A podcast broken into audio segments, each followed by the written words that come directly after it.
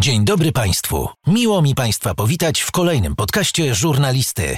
Zanim zacznie się rozmowa, chciałbym Państwa w imieniu gospodarza poprosić o wystawienie oceny i obserwację podcastu. Nie zajmie to Państwu więcej niż kilka sekund. Życzę dobrego odsłuchu. Dzień dobry Państwu. Nazywam się Marcin Sochacki. Jestem założycielem marki Engo Cars i serdecznie zapraszam na podcast Żurnalisty. Żurnalista. Rozmowy bez kompromisów. Dzisiaj u mnie Joanna Przytakiewicz. Dzień dobry. Dzień dobry. Pięknie wyglądasz. Zapomniałem ci powiedzieć, jak już wchodziłaś, bo zwróciło to na Dziękuję mnie. bardzo. Zwróciło na mnie. Tu jest uwagę. idealnie, ciemno, nic nie widać. No przestań. Dobrze, że mamy chociaż jakąś e, gwiazdę dzisiaj, to będziesz e, tutaj błyszczeć. No, ja bardzo lubię błyszczeć. Oj, wiem, i tak samo gadać. Ja I się w zastanawiałem, ogóle się tego, i żeby było jasne, ja się tego nie wstydzę. No wiem, ty, są rzeczy, Lubię których się wstydzisz, przygwiazdożyć, lubię to. ale są rzeczy, których się wstydzisz? E, Wiesz co, e, mogę się wstydzić tylko i wyłącznie temu, tego, jak e, zrobię komuś przykrość, a czasami też się zdarza, bo coś się, coś chlapnę bez zastanowienia i później mówię, ale po jaką cholerę w ogóle ja to powiedziałam? Tego się wstydzę. No to kiedy ostatni raz zdarzyła się taka sytuacja? A taka sytuacja się zdarzyła, powiem ci, że ktoś zapytał mnie, żebym oceniła, e, jak wyglądała Asia Kulik e, na festiwalu. Mhm. I ponieważ ja wcześniej, godzinę wcześniej chyba zobaczyłam mm, jej zdjęcia, patrzę, mówię, Boże, nasz towar eksportowy, nasz cud narodowy, nasze. Ja, ja uwielbiam tą dziewczynę. To jest, to jest autentycznie cud natury pod każdym względem. Zimną wojnę oglądałam chyba pięć razy, bo to jest po prostu przeżycie nie z tej ziemi. To tak jak wiesz, na świetną operę można iść kilka razy albo e, na koncert. Natomiast i pomyślałam sobie, Boże, Chanel się tu jednak nie postarało, bo, bo no, no jednak zdecydowanie nie zauważyli jej potencjału, jej wdzięku, zmysłowości, kobiecości i tak dalej. I tak powiem ci zupełnie szczerze, że wkurwiłam się na Chanel, Mhm. że postarali się za mało. No i słuchaj, ktoś tam mi zadał pytanie, no jak oceniam jej wygląd, a ja mówię, że no jest to cudowna dziewczyna, uwielbiam ją, że to jest wybitna osobowość, aktorka, kobieta, cud miód, że to jest taki wdzięk i tak dalej i wiesz, no i, no i albo autentycznie tak myślę, ale powiedziałam, ale ubrałabym ją inaczej. Bardziej minimalistycznie, w stylu Saint Laurent, a nie tak, a nie w stylu Chanel, który jest wybitnym domem mody, jednym z najbardziej prestiżowych, jeśli nie najbardziej na świecie, ale prawdą jest, że jest to styl bardzo trudny. Więc niby nic, rozumiesz? Ale po czym oczywiście było tak, że e, e, kontekst tego był taki, że niby ta cała moja wypowiedź była przytoczona w całości, ale było jakieś takie stwierdzenie, że jak na wygórowane oczekiwania Przetakiewicz to coś tam. I ja sobie pomyślałam, a po jaką w ogóle cholerę ja to mówiłam? I przysięgam ci, że zrobiło mi się głupio, wstyd i przykro, bo tej dziewczynie tylko i wyłącznie należy grat- gratulować. I to, że ja powiedziałam nawet, że ubrałabym ją inaczej, to ona może to odebrać z przykrością albo źle. Więc po jaką cholerę było to w ogóle mówić? I powiem ci szczerze, powiedziałam koniec. Nic nie będę więcej. Nie, od tego tutaj jesteśmy, tym bardziej mając erę nowych kobiet. I cały czas mówię, że jesteśmy od tego, żeby się nie oceniać. I pomimo, że powiedziałam 150, wiesz, słów e, uwielbiających ją i wspaniałych i komplementów, to jednak to, że gdzieś powiedziałam, że a, ubrałabym ją inaczej, po co to było? Po To co? w naszej pierwszej rozmowie właśnie o tym rozmawialiśmy. Przytaczałem ten przykład Natalii Kukulskiej, że z 300 pozytywnych komentarzy, dwa negatywne, widzisz tylko i wyłącznie. Dokładnie, dokładnie dwa, tak. to jest- Mało tego, tym bardziej, że to przez kogoś może być właśnie tak przedstawione, że, a, że może ja mam tu zbyt wygórowane oczekiwania, albo, albo coś tam zawsze, zawsze to jest e, no, gdzieś tam podkoloryzowane, co też jest oczywiste i normalne. Ja to oczywiście kumam i rozumiem. W związku z tym nie należy dawać takiego, e, wiesz co, takich nabojów. Mhm. A szczególnie, kiedy kule potem trafiają w ciebie. We mnie, dlatego że to mnie jest przykro.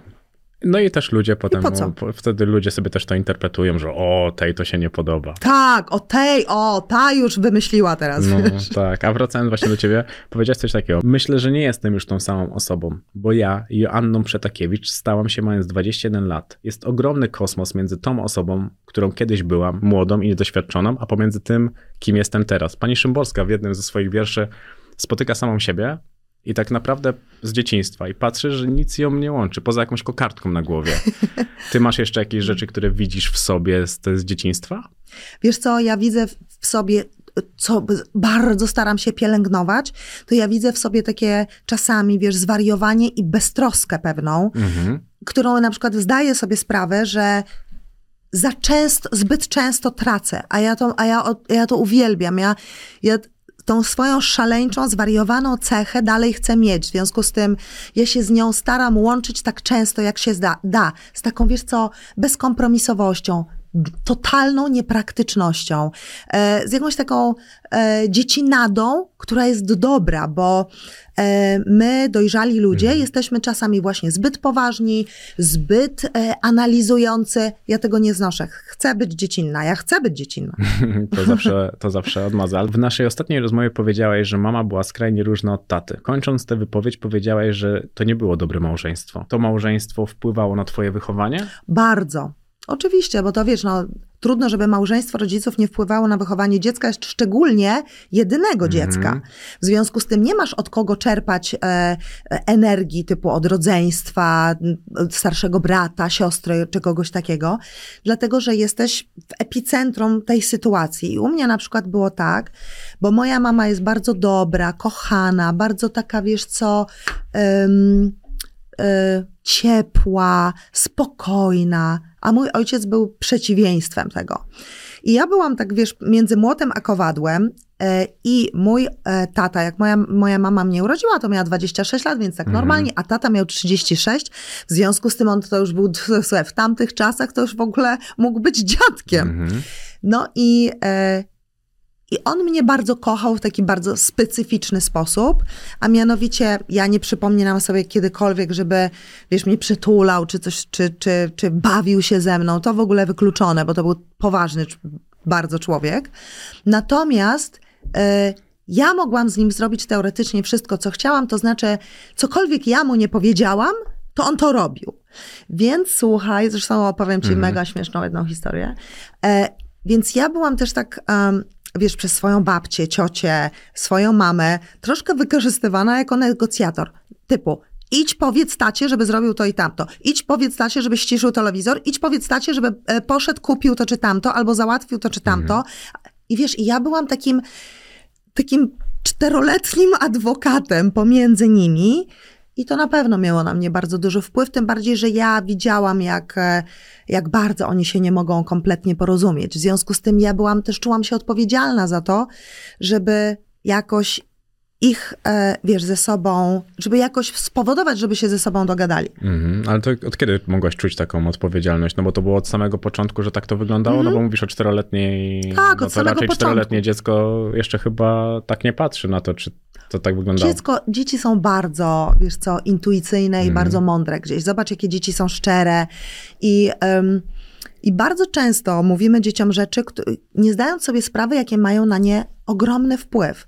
Bo ja zresztą ze swoją przyjaciółką rozmawiałam e, wiele razy na ten temat, bo ona miała bardzo podobną sytuację. I, I gdzieś rzeczywiście stwierdziłyśmy, że czułyśmy się bardzo odpowiedzialne za jak gdyby spokój tej rodziny od takich najmłodszych lat.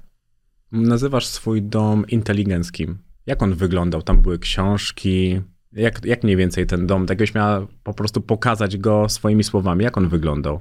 E, więc to były tak, to było takie, takie typowe PRL-owskie mieszkanie, urządzone, wiesz, w meblościankach, które były wypełnione głównie książkami. Mój ojciec, to o czym e, mówiliśmy przed chwilą, pisał dzienniki mhm. codziennie, mm. z tym, że krótkie, ale pamiętam, pamiętam, to była cała jedna półka przeznaczona na te dzienniki, które on, wiesz, rok po roku, rok po roku e, wypełniał i układał je na półce. Natomiast fascynował się polityką więc czytał mnóstwo na ten temat. To nie była literatura piękna, ani poezja, to były książki filozoficzne i polityczne.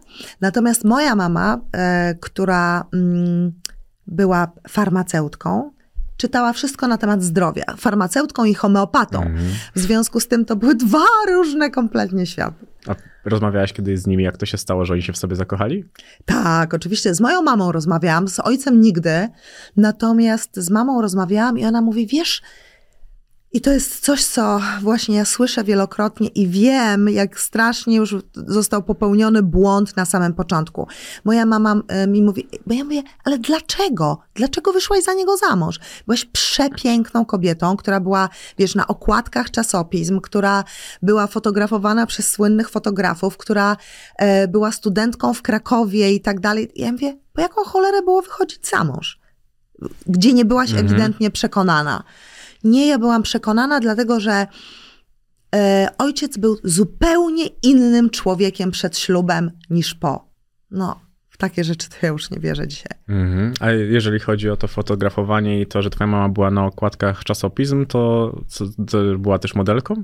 Nie, nie, nie była modelką, tylko wiesz co, kiedyś były w e, Krakowie takie obchody studenckie, juwenalia i moja mama tam została miss wybrana jakoś tam ogólnie i em, w związku z tym została pro, proszona kilka razy, żeby była na przykład na okładce zwierciadła i tak dalej, i tak dalej. A, to fajna, fajna rzecz. I To, był- masz, to masz była rzeczy prze... zapa- Tak, tak, tak, tak. Okej, to była jaka fajna No. pamiątka.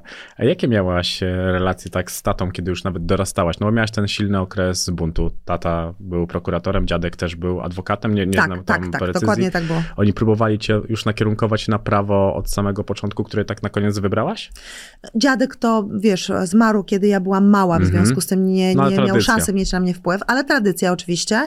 Natomiast wiesz co, moi rodzice w ogóle nie, e, znaczy oni, oni bardzo zrobili jedną bardzo dobrą rzecz, a mianowicie e, ja byłam strasznie zbuntowaną nastolatką i oni odpuścili. I to była Mhm. najmądrzejsza decyzja, jaką można sobie było wyobrazić, dlatego że ja prawdopodobnie, gdyby oni wiesz, zmuszali mnie do jakiegoś zachowania czy do rzeczy, których nie chciałam, albo zabranialiby mi czegoś, e, tak, że wiesz, że, ograniczaliby mi wolność, to prawdopodobnie, ja nie wiem, jakby to się skończyło, to by była jakaś wojna atomowa, dlatego że ja e, nie dałam się tak łatwo okiełznać.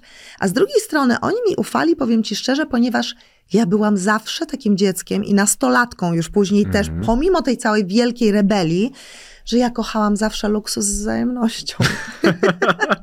A- W zwią- W związku z tym oni wiedzieli, że ja nie wpadnę w jakieś grono jakichś meneli, e, wiesz, e, pijących e, w melinie, bo po prostu to nie moje klimaty, no. A były inne pomysły na studia? Nie. Ba, ma, znaczy były, ale nie moje. Dlatego, że wiesz co, ja w liceum zawsze tak, zawsze mówiłam e, najgłośniej i najwięcej. W związku z tym zawsze wszyscy mnie wypychali na to, żebym, do tego, żebym prowadziła wszystkie gale.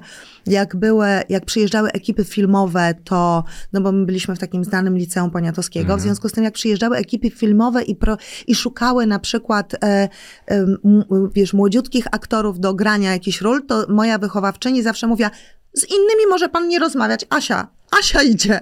Ja byłam zachwycona, bo wiesz, i byłam na legalnych wagarach, więc w ogóle czad. Natomiast ja pamiętam taką historię, że Andrzej Wajda mi zaproponował, powiedział tak, mówi, słuchaj, kompletnie się nie nadajesz do tej roli, tej głównej, której, którą tam próbowałam, ponieważ ty masz wzrok 40-letniej kobiety, natomiast jesteś świetna w rolach komediowych. Widzę w tobie talent, w związku z tym proponuję ci, że mogę cię przygotować do PWST i możesz być na taki, w takim moim specjalnym kursie. I ja wtedy pamiętam, ja już, ja miałam wtedy 14-15 lat może, ale ja byłam siebie świadoma. Ja powiedziałam mistrzu, szkoda byłoby miejsca, szkoda byłoby marnować tego miejsca, bo ja nie czuję żadnego aktorskiego talentu ani pasji. W związku z tym, a to jest, to jest zawód, który tego wymaga, totalnie. W związku z tym, ja z pełną świadomością ja muszę z tego zrezygnować. A to duża, duża świadomość. Ale wszyscy mnie na to namawiali, całą, całe liceum. Moja pani dyrektor, moja wychowawczyni, wiesz, polonistka, e, nawet moja mama była z tym ok, a ja cały czas im mówiłam, że ja, to w ogóle nie jest moje powołanie. Ja nie czuję się aktorką, ja nie czuję żadnego talentu ani, ani pasji. A prosiłaś o coś tak mocno rodziców jako rodzeństwo? No jasne. Słuchaj, ja pamiętam, przysięgam taką sytuację. Jestem w łóżeczku za jakimiś takimi szczebelkami, więc jaka ja musiałam być malutka, no co ja miałam pewnie dwa lata albo mniej. E, I ja tak rozpaczałam, że ja nie mam ani siostry, ani brata. Ja rozpaczałam. I e, dlatego ja miałam zawsze, wiesz, obsesję tego, żeby y, łączyć się z innymi ludźmi, żeby spraszać koleżanki do siebie do domu, żeby one, wiesz, zakładać tam praktycznie obozowisko. I to, co niewątpliwie było, powiem ci, błędem moich rodziców, e, że nie kupili mi chociaż tego psa, którego tak bardzo chciałam.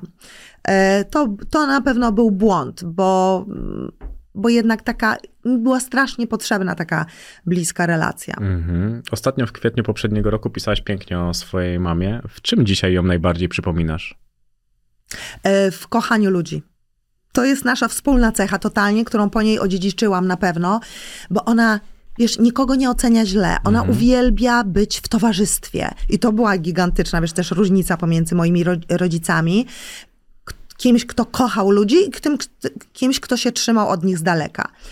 I, em, I takie małżeństwo, i to już jest tak gigantyczna różnica nie do pogodzenia, że to już od początku wiadomo, że to nic z tego dobrego nie będzie. Natomiast e, to nas zdecydowanie łączy, ponieważ moją mamę wszyscy kochali i kochają. E, moja mama, wiesz, jest tak uprzejma i tak e, taka miła dla wszystkich i tak lubiąca i tak zawsze mówiąca dobrze i tak mówiąca do innych dobrze, że po prostu każdy się z moją mamą czuł w jej towarzystwie Mhm. doceniony, zauważony, zagłaskany, zatroszczony. No wiesz, to ze mną jest podobnie A co masz po tacie? upór nie, na pewno niesamowity, y, wiesz co, i niewątpliwie coś takiego, że mój ojciec był tak zwanym duerem. Słuchaj, to była y, właśnie ta historia śmieszna, o której chcę ci opowiedzieć. Kiedyś była taka sytuacja, że ja byłam na studiach i brakowało, wiesz, to były takie czasy, że nie było internetu. Jak, jak, była, jak był jakiś podręcznik, to był na wagę złota i wszyscy go sobie przekazywali. Jak ktoś, wiesz, bo jak były jakieś początki ksero, to w ogóle, wiesz, no, to była pełna partyzantka. I ja pamiętam, że mi brakowało jakiegoś podręcznika, bardzo ważnego, którego nikt nie miał. Zadzwoniłam do taty i powiedziałam, że słuchaj, brakuje mi tego podręcznika, czy mógłby mi załatwić. No więc mój ojciec dzwoni do Sądu Najwyższego i mówi, że czy jest ten podręcznik. No i pani bibliotekarka mówi, że on jest, ale jest wypożyczony przez e, sędziego. I ojciec mówi, ale to ile dni on ma tą książkę już u siebie? No ona mówi, że no już długo, bo już, już, e, bo już ma z 17 dni, no i nie wie, co się stało, bo on tej książki nie oddał i w ogóle nie przyszedł. Wyobraź sobie, że mój ojciec zdobył numer telefonu do niego do domu prywatny, zadzwonił, odbiera żona i on mówi, że natychmiast poprosimy o oddanie tego podręcznika, bo on jest potrzebny mojej córce. A ta żona mówi, ale ja nie wiem, gdzie, co to jest za podręcznik, nie wiem, co to jest, a mój mąż miał wypadek, uważaj, leży na wyciągu i nie może się podnieść z łóżka. Ty wiesz, że mój ojciec zmusił ją do tego, żeby znalazła tą książkę i oddała następnego dnia. No, no to, to ja mam podobnie. Już zaczęliśmy rozmawiać o tym, że byłaś jedynaczką. Podkreślasz to, że rozpieszczoną i że nikt nic, od niczego od ciebie nie wymagał. A zapytam przewrotnie. Co, czego cię nauczyło to pozytywnego? E, od, odwrotności, na zasadzie rebelii odwrotności. Wyobraź sobie, że ja jak.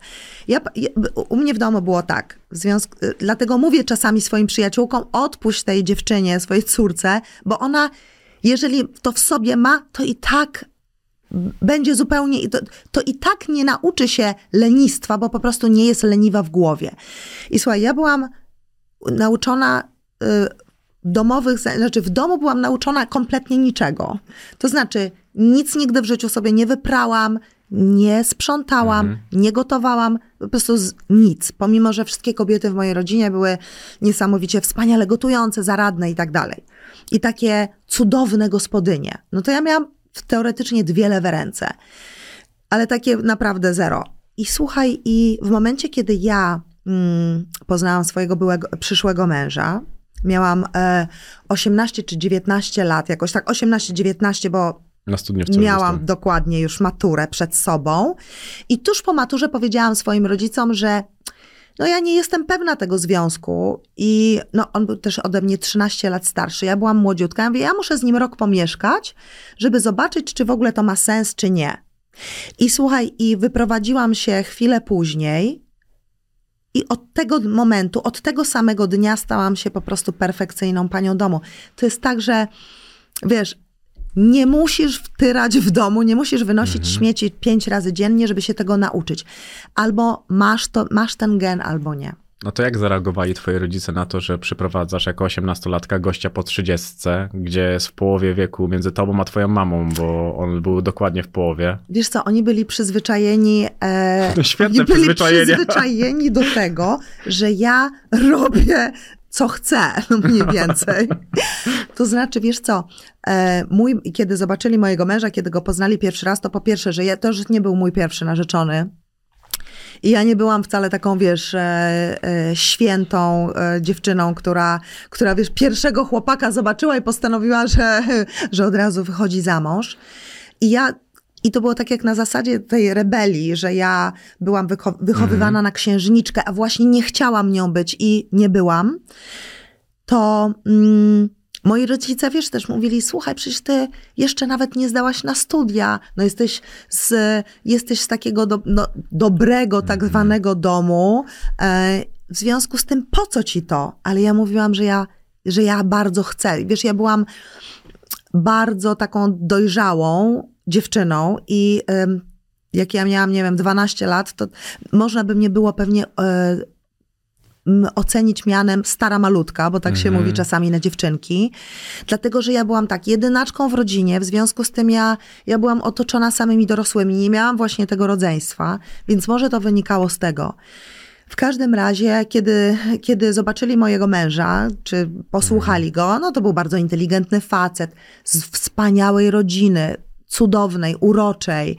W związku z tym oni nie mieli z tym jakiegoś tam wielkiego problemu, aczkolwiek moja mama zdecydowanie oczywiście namawiała mnie, żebym, e, wiesz, e, wystopowała, a nie za, za chwilę tutaj mieszkała razem i wiesz, e, bawiła się w domowe, w wspólne domowe ognisko, w obowiązki, zobowiązania i tak dalej, i tak dalej.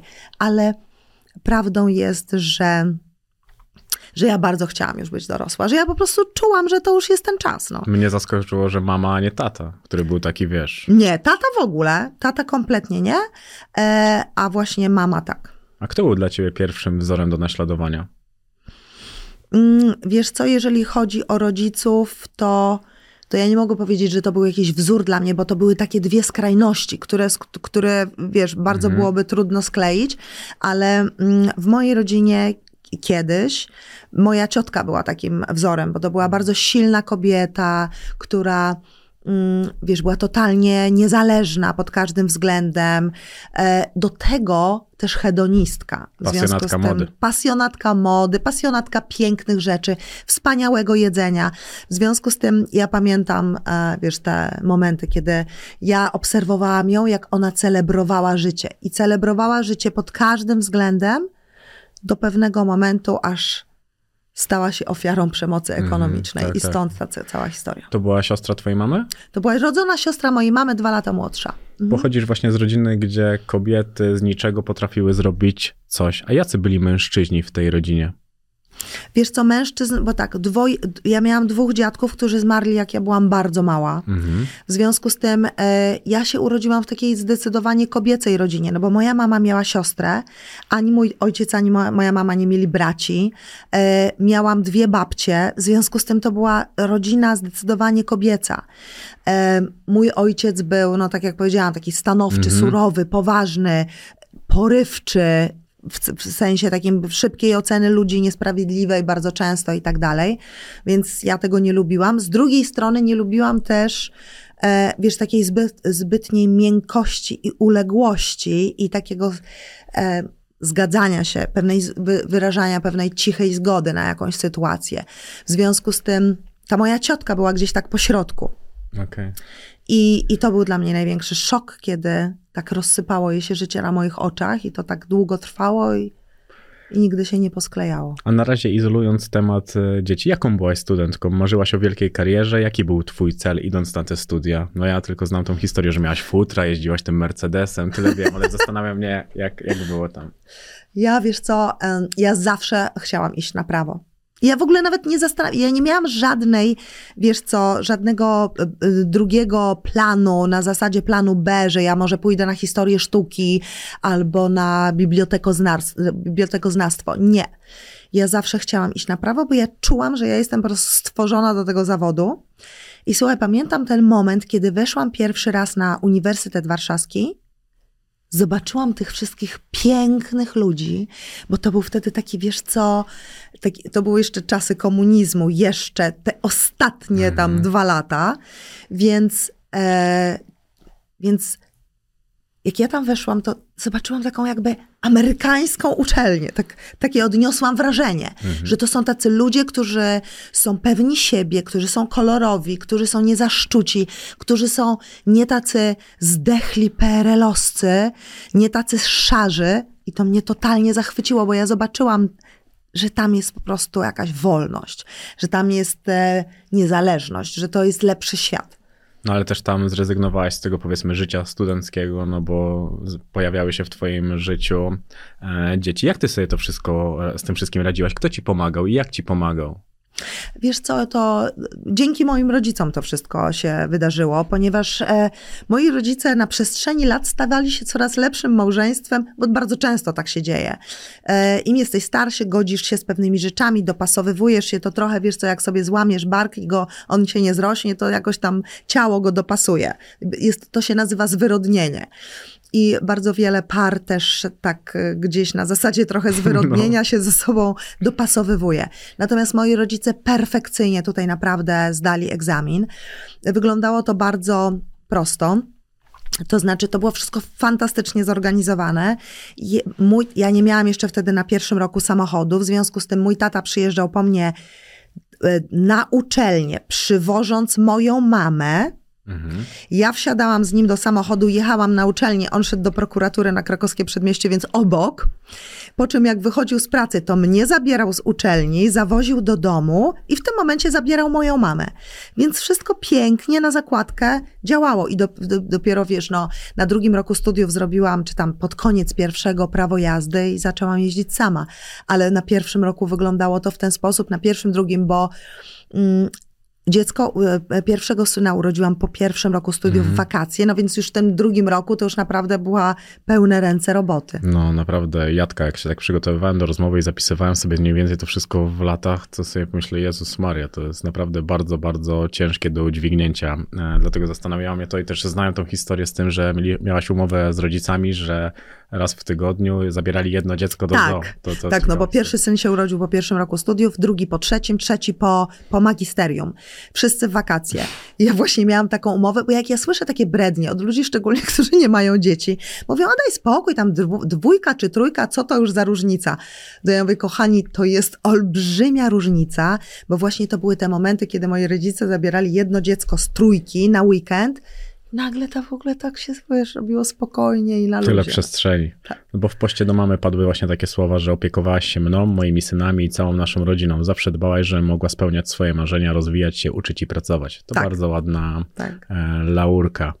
Powiedziałaś też, że mm, zawsze mama najbardziej cieszyła się z twoich sukcesów i trzymała cię za rękę, kiedy nie wychodziło. Opowiadasz o tym, jak mama cię chroniła, ale pozwalała popełniać błędy. Ta relacja na przestrzeni lat zmieniła się z relacji matka-córka na przyjacielską? O, zdecydowanie tak, bo ja, y, wiesz co, ja się nie nadaję też do tego, żeby e, mi za bardzo, wiesz, mówić, e, jak mam żyć. E, moja mama też nie jest tego typu, wiesz co, ona nie ma w sobie takiego, mm, takiej cechy, którą nazywam zrzędzeniem. Ona mi mówi, a powinnaś to, a powinnaś tamto, bo ona wie, że w ten sposób się na pewno nie dogadamy. I mm, i wiesz co, i moja mama jest na pewno przyjaciółką dla moich synów, szczególnie dla tych dwóch, którzy są w Warszawie, no bo ten jeden jest mhm. w Stanach, więc to jest y, już zbyt daleka, wiesz, e, zbyt daleki dystans, zbyt, zbyt ogromny, również już taki emocjonalny, tym bardziej, że to już jest od lat.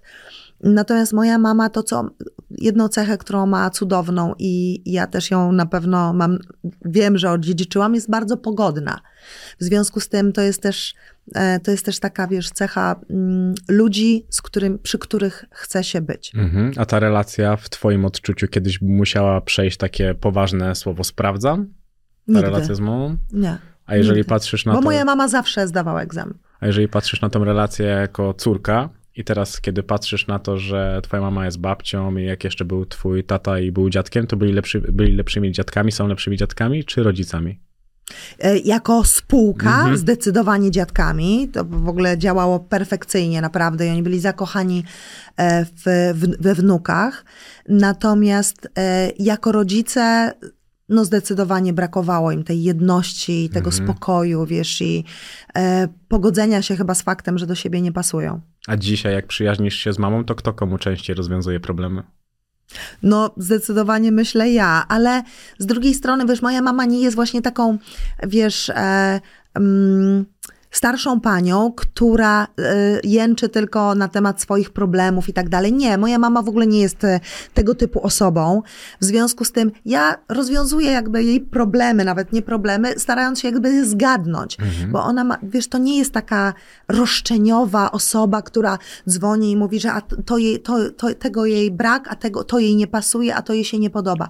Nie, ja staram się zgadywać jej potrzeby, zanim ona je kiedy w ogóle, wiesz, wypowie na głos, o ile w ogóle je wypowie.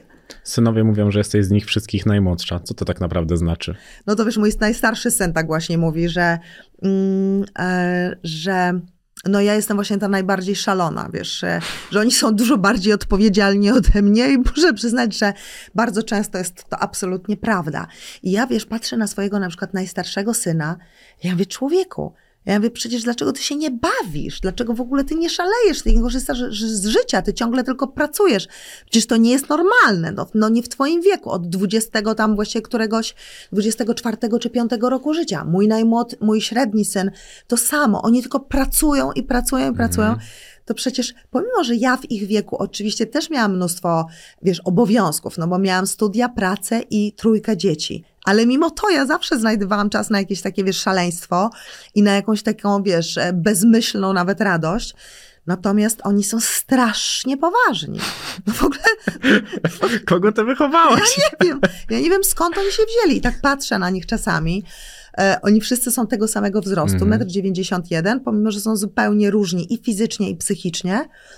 Natomiast tak patrzę na nich, mówię, Boże, co są jacyś poważni faceci, skąd oni się w ogóle wzięli, no.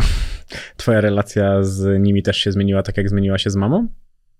E, Wiesz co, na pewno się bardzo zmieniła, ponieważ em, wiesz co, jest taki moment e, niewątpliwie w życiu, szczególnie kobiety, która ma synów i staje się samodzielną mamą, tak jak u, u nas się stało. W naszym przypadku ja miałam wtedy 34 lata i chłopcy bardzo, i niestety to jest bardzo niesprawiedliwe i bardzo smutne. I to jest ta gigantyczny, wiesz, ta gi- gigantycznie ciemna strona rozwodu, że tacy chłopcy biorą taką odpowiedzialność trochę bycia partnerem swojej mamy zamiast dzieckiem. I bardzo dużo z tego dzieciństwa niewątpliwie tracą, takiego bez, beztroskiego dzieciństwa. I Ja pamiętam, słuchaj, kiedyś taką historię, już ją raz opowiadałam, co prawda, jak poszłam ze swoimi chłopcami do Empiku i ten najmłodszy wziął jakąś gazetę i mówi Jezu, super, tu tutaj w tej gazecie jest gra, która normalnie tam kosztuje powiedzmy 70 zł, a z tą gazetą kosztuje 50, no więc to się mega jest biznes, to się opłaca, no bo ta gazeta i ta gra kosztują w sumie mniej niż sama gra. I ja pamiętam wtedy, to jak mój średni i mój najstarszy na to zareagował, mówią tak, a masz na to, masz na tą gazetę ze swoich e, kieszonkowych? No nie, bo ja już wydałem te kieszonkowe coś tam. to my już dopilnujemy, żebyś ty mamie to zwrócił. Za, to, za tą gazetę zwrócił, rozumiesz?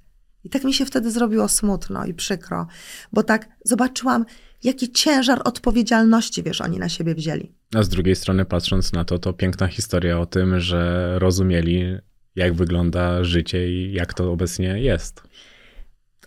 O, totalnie. I ja też pamiętam taki je, jeden moment. Moja mama e, zaprowadziła tego mojego najmłodszego synka do mieszkania, które ja wynajęłam, a jeszcze oni go nie widzieli.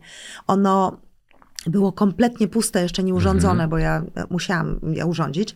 Natomiast słuchaj, to małe dziecko zrozumiało od razu, w czym rzecz. I on powiedział coś takiego do mojej mamy: Mam nadzieję, że mama będzie wreszcie szczęśliwa.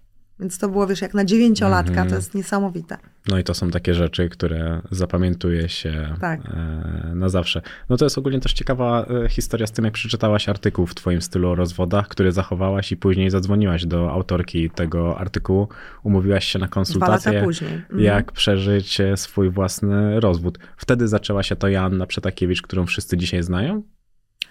E, powiem ci, że dokładnie za, zaczęła się dokładnie w momencie, który, o którym e, też już kiedyś mówiłam, Mhm. który bardzo dobrze pamiętam, w wieku 34 lat, kiedy skończyłam aplikację radcowską i dokładnie tak pomyślałam.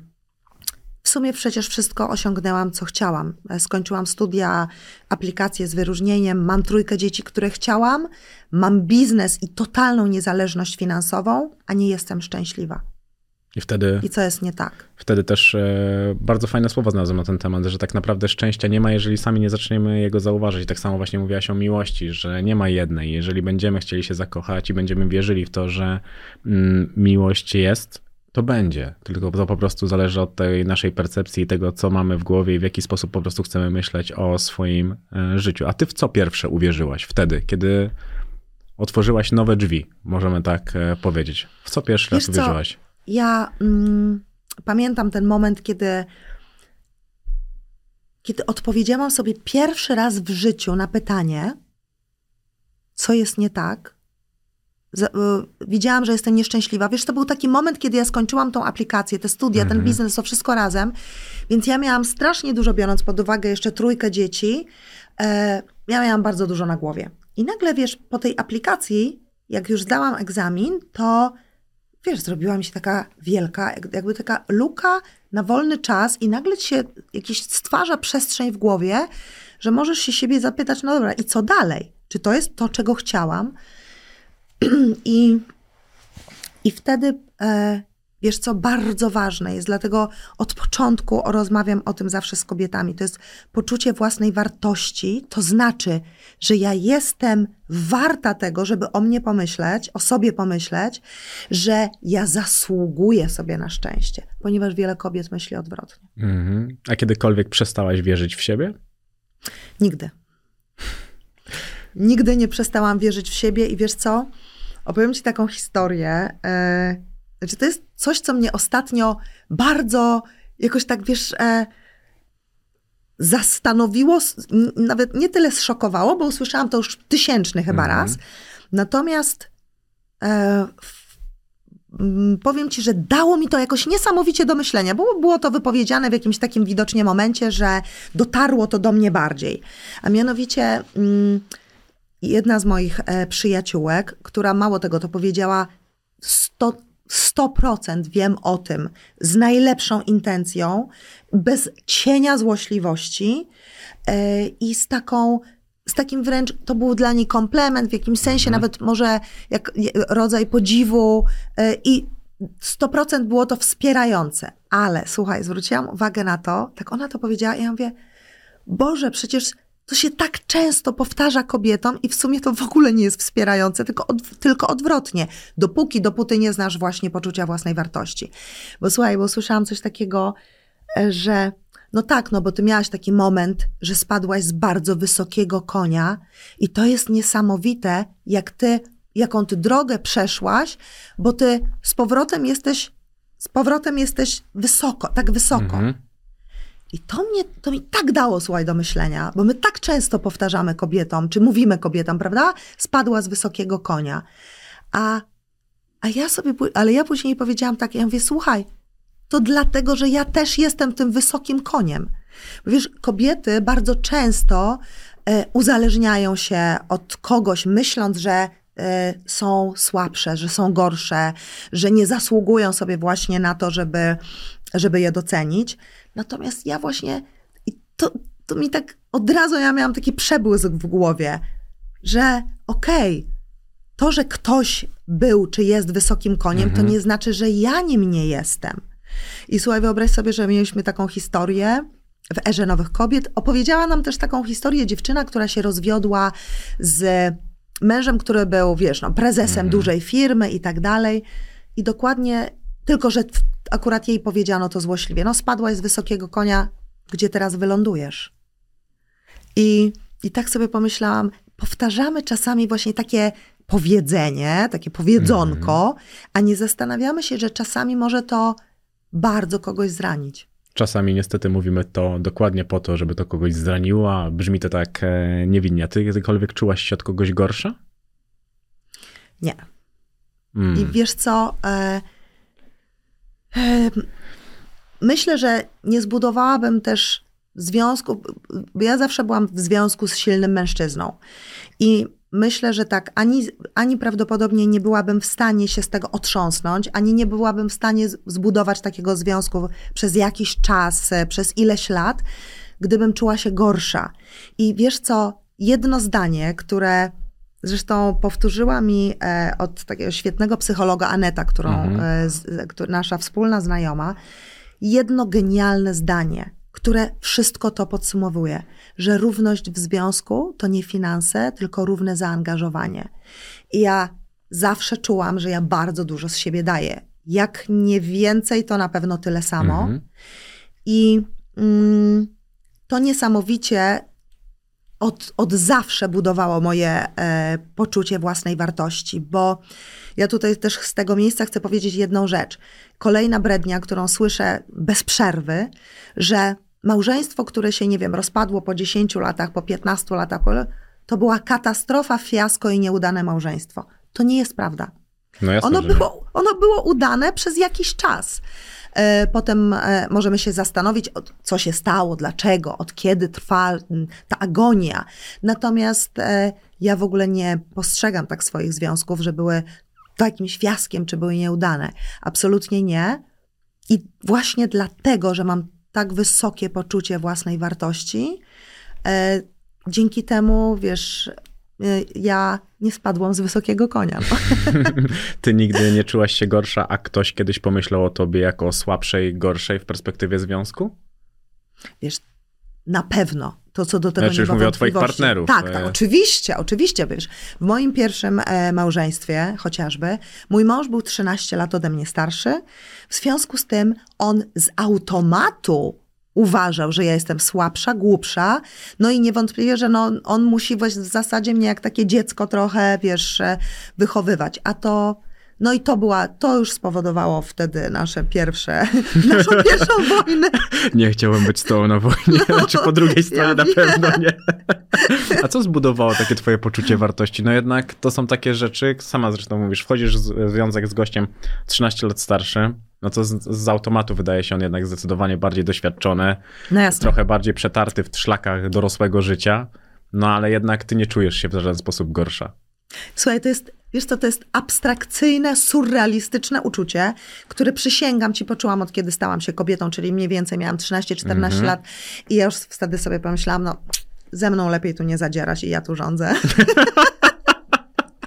Ja się zmieniłam, słuchaj, z takiej, wiesz, dziewczynki, która tańczyła w balecie i w ogóle, i chodziła zawsze w sukienkach i w lakierkach.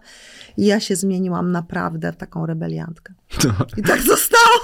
Słuchaj, ja, ja czytałem o tym e, pierwszym seksie, jak miałeś 14 lat, ja wszystko, wszystko wiem, co tam się wydarzyło. A jak ty się starasz o związek, że on nie gaśnie? Co ty dajesz? Jak ubogacasz mężczyzn, że im się tak naprawdę ciągle chce?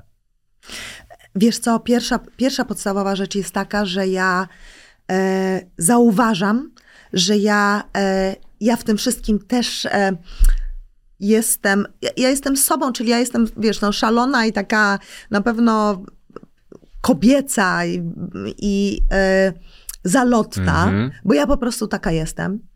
E, I, ja, ja uwielbiam też taka być. Pierwszy, a, a chyba wiesz co, tak, na takim podstawie, ja, nie, ja nie, nie będę tu opowiadała tobie bajek, że ja tutaj nie wiadomo co wymyślam i wiesz, i mantrę i medytuję na ten Mm, temat. Bajek, bajki nie wierzę. Mi się wydaje, że ty masz e, jasne reguły gry. Kim dla siebie jesteśmy, po co dla siebie jesteśmy i w jaki sposób po prostu ta relacja powinna wyglądać, żeby ten termin ważności był ewidentnie przesuwany do przodu, a nie jednak się kurczył. Wiesz co, ja bardzo się szanuję i, i stawiam bardzo wyraźne też granice i bardzo szanuję, czyjeś granice. W związku z tym, jak widzę, że y, na przykład, nie wiem, daję z siebie za dużo, a uszczęśliwiam kogoś na siłę, to natychmiast się wycofuję. Natomiast, e, wiesz co, no ja, no ja, ja w ogóle kocham gadać, ja wiesz, kocham relacje z ludźmi, ja, ja po prostu, ja, ja też dbam i się troszczę.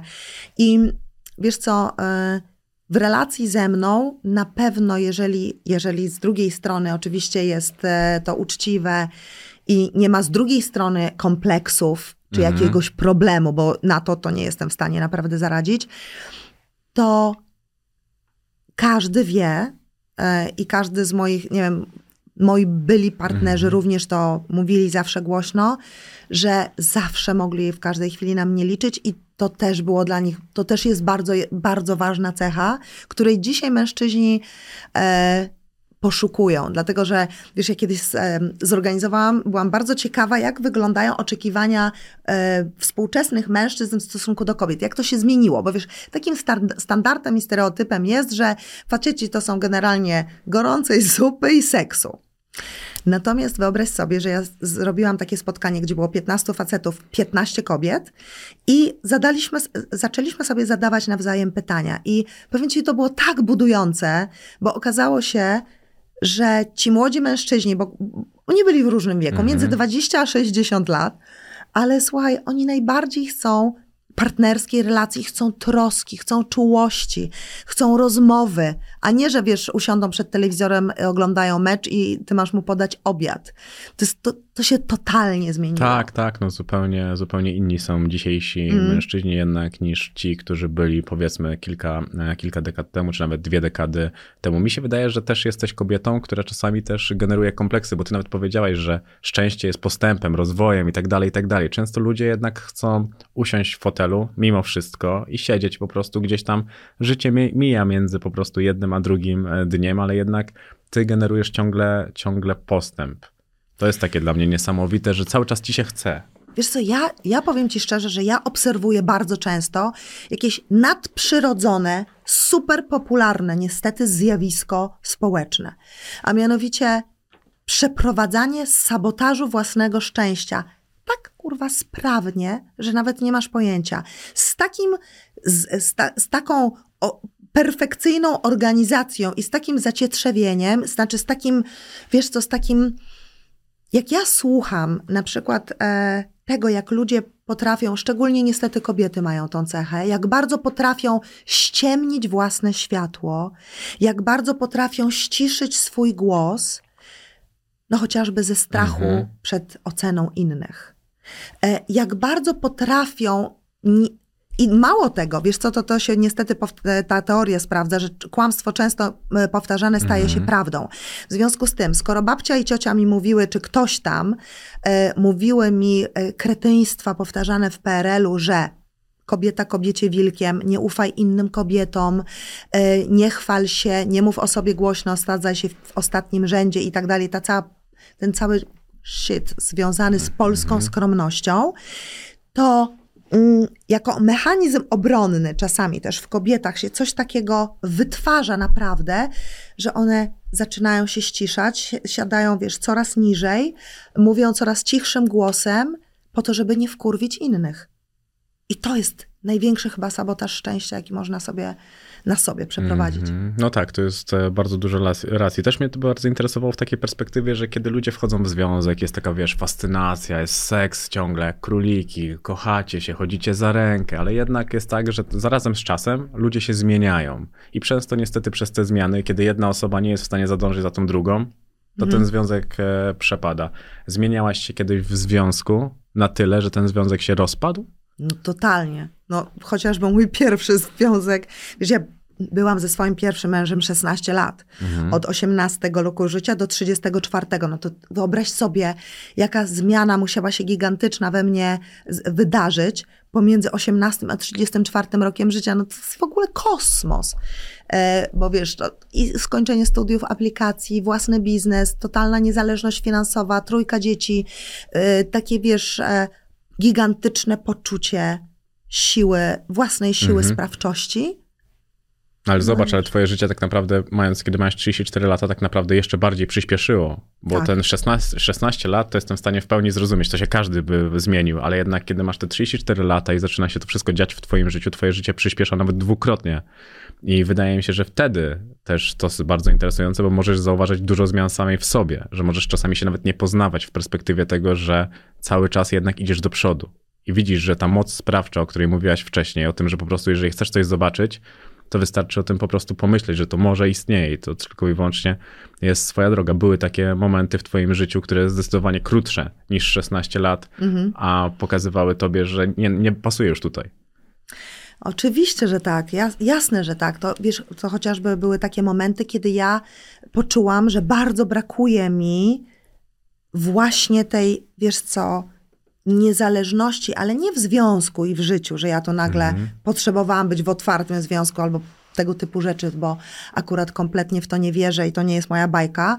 Natomiast ja potrzebowałam stworzyć spo- znowu coś własnego, ponieważ był taki moment w moim życiu, że ja przez kilka lat nie pracowałam, sprzedałam swoje biznesy, drugiego, dru, jeden, jedne zostały, dwa sprzedałam i, i wiesz, po kilku latach ja też zauważyłam, że strasznie mi tego brakuje, bo jednak budowanie czegoś własnego, stanowienie o czymś własnym, rozwijanie tego, to jest, to jest niesamowita przygoda, to jest wielka fascynacja, ja to po prostu uwielbiam. I wtedy też zauważyłam, że no ja muszę to zmienić. Chodzą plotki, że Rinka jest mistrzem w pisaniu listów miłosnych. Na początku znajomości pisał długie listy miłosne kilka razy e, dziennie. Co przeczytałaś najpiękniejszego o sobie? Że ym, wiesz co, tam tych tekstów było Słyszałem, tyle że tak ilość była piękna. Tak.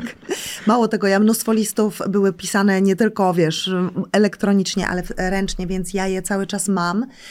I mm, to, co mi chyba Rinka najpiękniejszego napisał i cały czas mi mówi, że on nigdy nawet nie marzył o tym, że kiedykolwiek w jego życiu nastanie em, taki czas.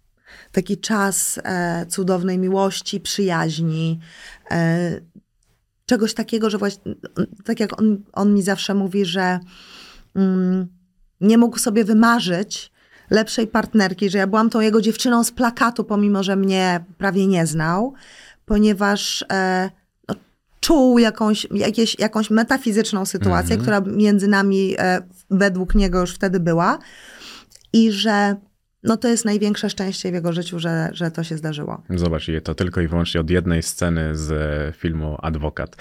Czasami widzisz kogoś w nowym świetle, widząc e, jego partnera. Ty zobaczyłaś w sobie coś nowego, wchodząc w ten związek?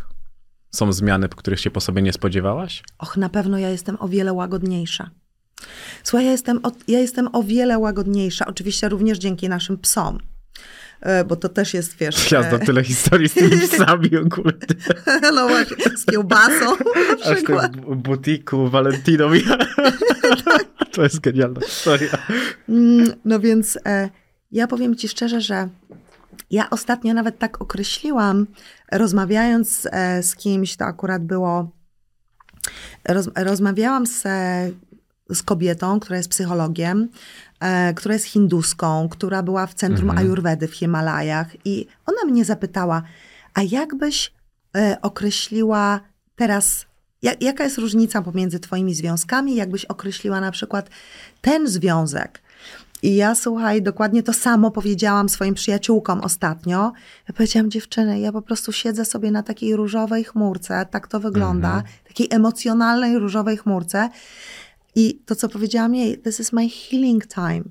Ja już nie muszę, ja nie muszę o nic walczyć, ja nie muszę, wiesz, udowadniać niczego, ja nie muszę, wiesz, e, ja ciągle byłam w jakiejś fazie, wiesz, walki z całym światem, wiesz, jakiegoś e, nieprawdopodobnego wywalania z siebie wielkiej ilości atomowej energii, żeby, żeby coś zbudować, żeby coś wesprzeć, żeby, żeby było lepiej, żeby było wyżej, żeby było jeszcze więcej.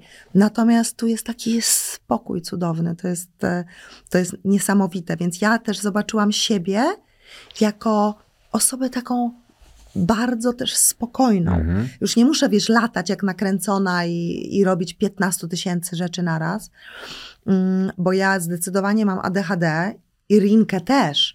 Mało, my się bardzo zmieniliśmy e, od momentu, kiedy jesteśmy razem, my się bardzo wspólnie zmieniliśmy. Wz- My wzajemnie na siebie wpłynęliśmy w ten sposób, że nie nakręcamy się jak dwoje, wiesz, e, ADHD Mhm. ludzi. Odwrotnie. My się kompletnie zchillowaliśmy, my się otoczyliśmy takim, wiesz, e, taką chmurką z, e, wiesz, komfortu i spokoju. Takiego emocjonalnego dobrobytu. Mm, Mówisz o tym, że można zakochać się kilka razy i też e, uważam, że to jest jak najbardziej prawda, ale zastanawia mnie, czy z Rinkę poczułaś coś kompletnie innego. O, oczywiście, no to jest, wiesz, za każdym razem to jest e, niewątpliwie jakaś inna zupełnie No historia ale to i coś innego cię podobnego kręci. jednak nadal, no ale nadal jednak to jest miłość, to masz podobne, podobne mechanizmy zachodzą w człowieku. Tak, tak, tak, oczywiście. Chemia jest podobna Mhm. i wspaniała i motyle w brzuchu nie są mitem, to one są prawdą, one istnieją. E, Ale było coś takiego kompletnie innego? W tych pierwszych momentach. Ja wiem, że ten moment był rozległy, bo nawet sobie życzeń nie złożyliście e, na nowy rok, ale zastanawiam mnie, czy to było coś takiego innego w jakimś stopniu. Na pewno to był wielki element, słuchaj, takiego właśnie spokoju. I gdybym, chociaż dziwnie to brzmi, prawda, w zakochaniu, ale to jest, to właśnie jest takie, takie wiesz co, takie cudowne i takie mm, niesamowite, że masz poczucie takiego komfortu, że tak, nikogo nie krzywdzisz, nikt nie będzie, e, wiesz, miał do ciebie żalu ani pretensji, nic się takiego, nic się złego nie dzieje. Jesteśmy dwojgiem totalnie niezależnych, wolnych ludzi, co nie zdarza się często, bo bardzo często jednak tak jest, że w, wiesz, w dojrzałych związkach, no jednak ta jedna strona nie jest wolna.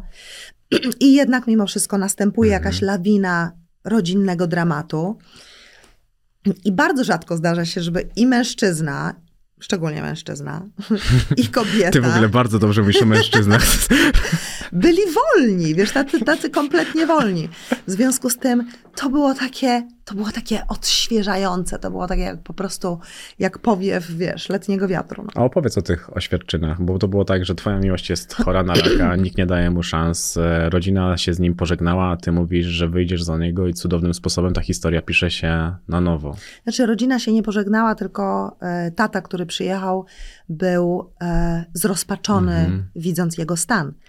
I ja wtedy rozmawiałam bardzo długo też. E, z, słuchaj, z, kim ja wtedy nie rozmawiałam? Ja w ogóle, ja po prostu wszystkich możliwych uzdrowicieli, hochsztaplerów, tudzież prawdziwych uzdrowicieli, to wszyscy, ja ich wszystkich już poznałam, ja, ja już tam, wiesz, z nimi rozmawiałam, wszędzie byłam i tak dalej. I pamiętam taką rozmowę, która się wydarzyła poprzedniego dnia, kiedy rozmawiałam z takim słynnym bioenergoterapeutą. Konkretnie były to trzy osoby. I on mi mówi tak. Mówi, słuchaj, ja tam w ogóle już nic nie widzę. Tam, to jest ciemność i ty e, musisz się z tym pogodzić. Po prostu. Wiesz, jak ja was słyszę, że ja się z czymś muszę pogodzić, to ja mówię, zaraz, zaraz. To znaczy, ty się może nie umiesz z czymś pogodzić, ale ja na pewno spróbuję i na pewno się pogodzę. Znaczy, i, i na pewno się nie pogodzę, tylko wiesz, zadziałam. I pamiętam, że to tak wkurwiło, jak usłyszałam to, że, e, że wiesz, ja tu się ma, muszę z czymś pogodzić i tam jest już tylko ciemność i, e, i wiesz co, i pamiętam jak e, wyszłam na papierosa, bo już z tego całego wkurzenia zapaliłam, pomimo, że nie palę już od wielu, wielu lat. I siedziałam z kimś, mm, kto, kto powiedział mi, mówi tak, ja widziałam tego człowieka pierwszy raz w życiu. To było małżeństwo. I on powiedział tak, mówi, słuchaj, ja mam zdolność widzenia pewnych rzeczy, których inni nie mają. I ja tak od dłuższego momentu, bo siedzieliśmy z dwie godziny na pewno, słucham tego wszystkiego i on tak najpierw siedział, nic nie mówił i mówi tak, mówi, słuchaj, wszystko będzie dobrze i wy niedługo będziecie w nowym domu. Ja mówię, nie no, wariat jakiś. Wiesz, ten mi mówi, że tutaj jest pełna ciemność i nic już tam nie ma i ja mam się z tym Mhm. pogodzić, a ten nagle mówi o jakimś nowym domu. Ja teraz, wiesz, nie mam co robić, tylko myśleć o nowym domu za kilka miesięcy i on mówi, to będzie na wiosnę.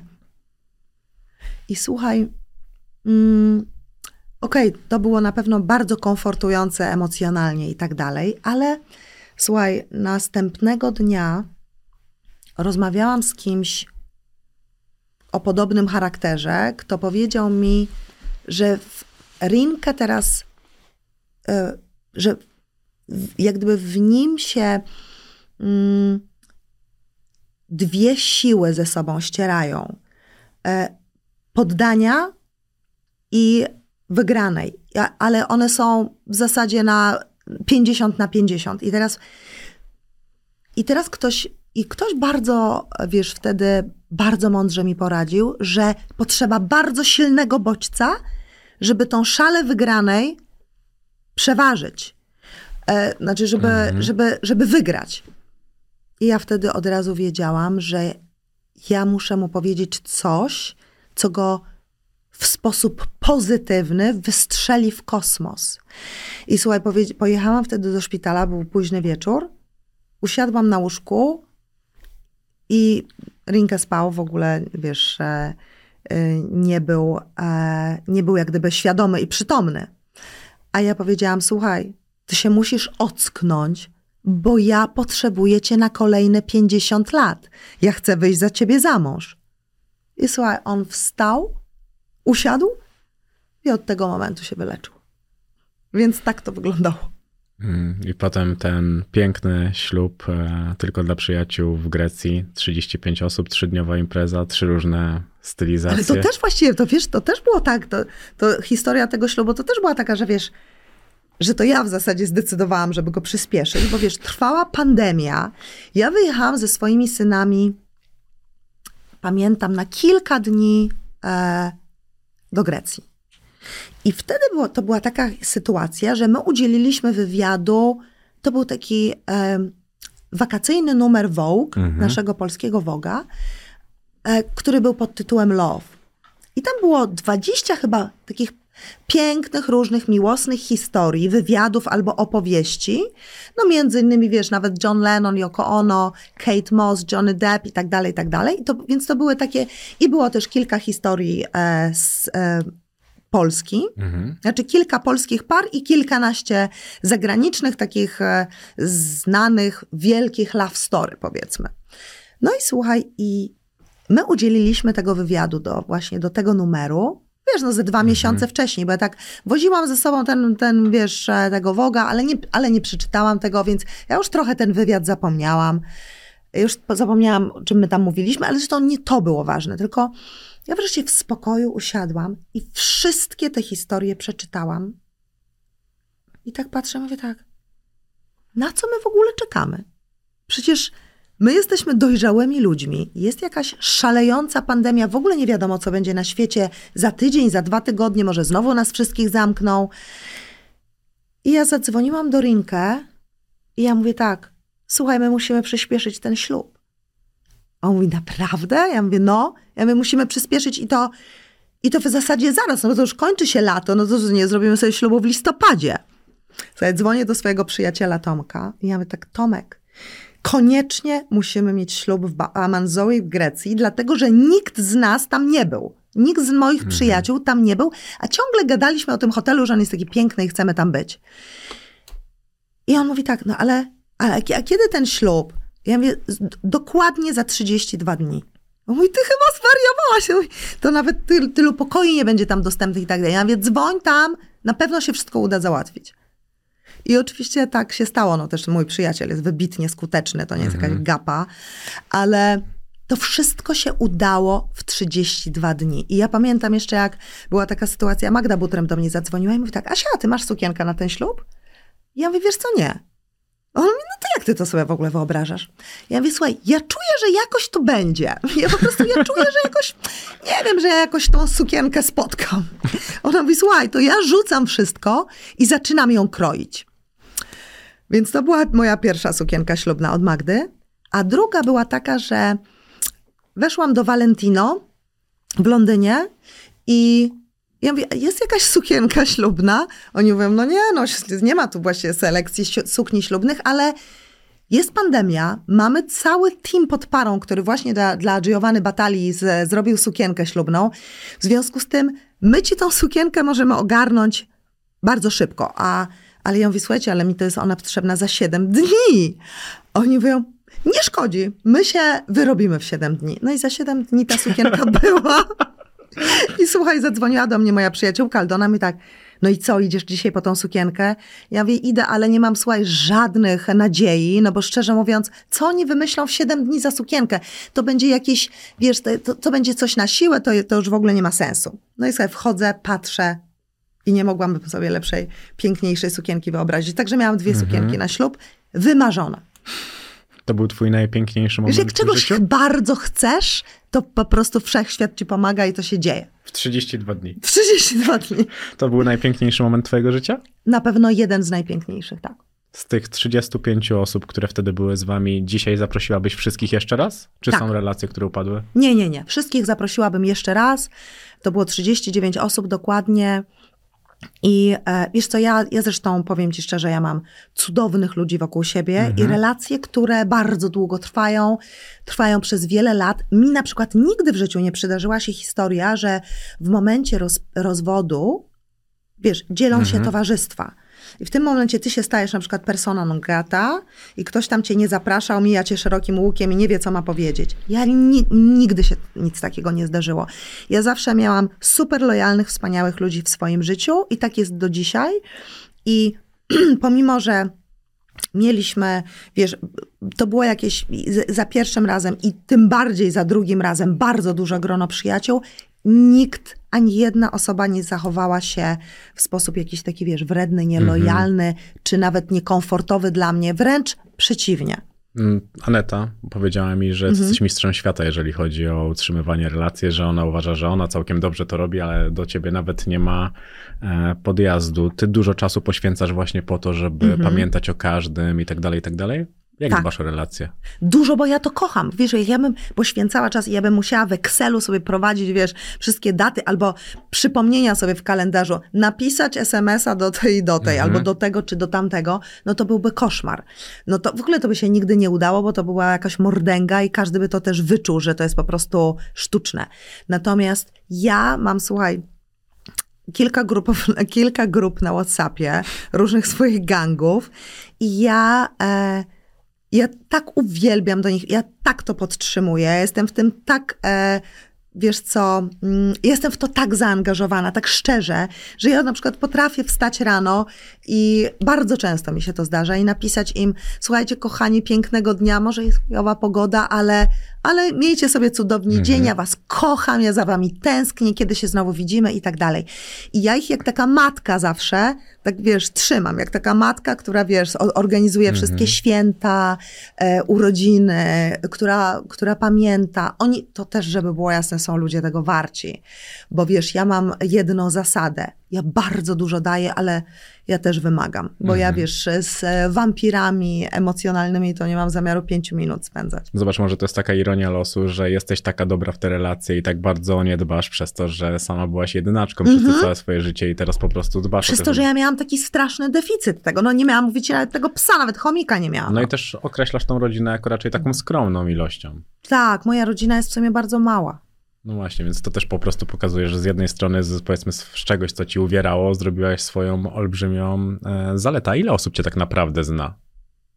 tak w bardzo, bardzo blisko.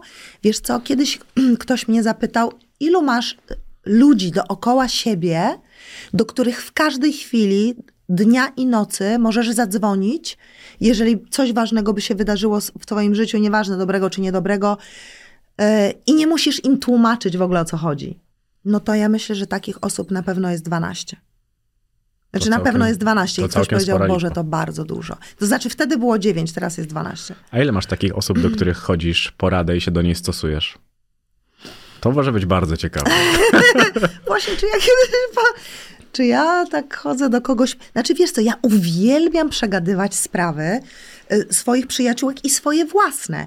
I to, wiesz, to nie jest tak, że my musimy sobie radzić, tylko najwspanialsze jest to, że wiesz, no, jest naukowo udowodnione przez psychologów, że zwierzanie się jest antydepresantem, że zwierzanie się komuś powoduje, że sam rozwiązujesz swoje problemy, ponieważ nagle na głos słyszysz coś, o czym nie miałeś pojęcia i zupełnie inne wnioski z tego wyciągasz.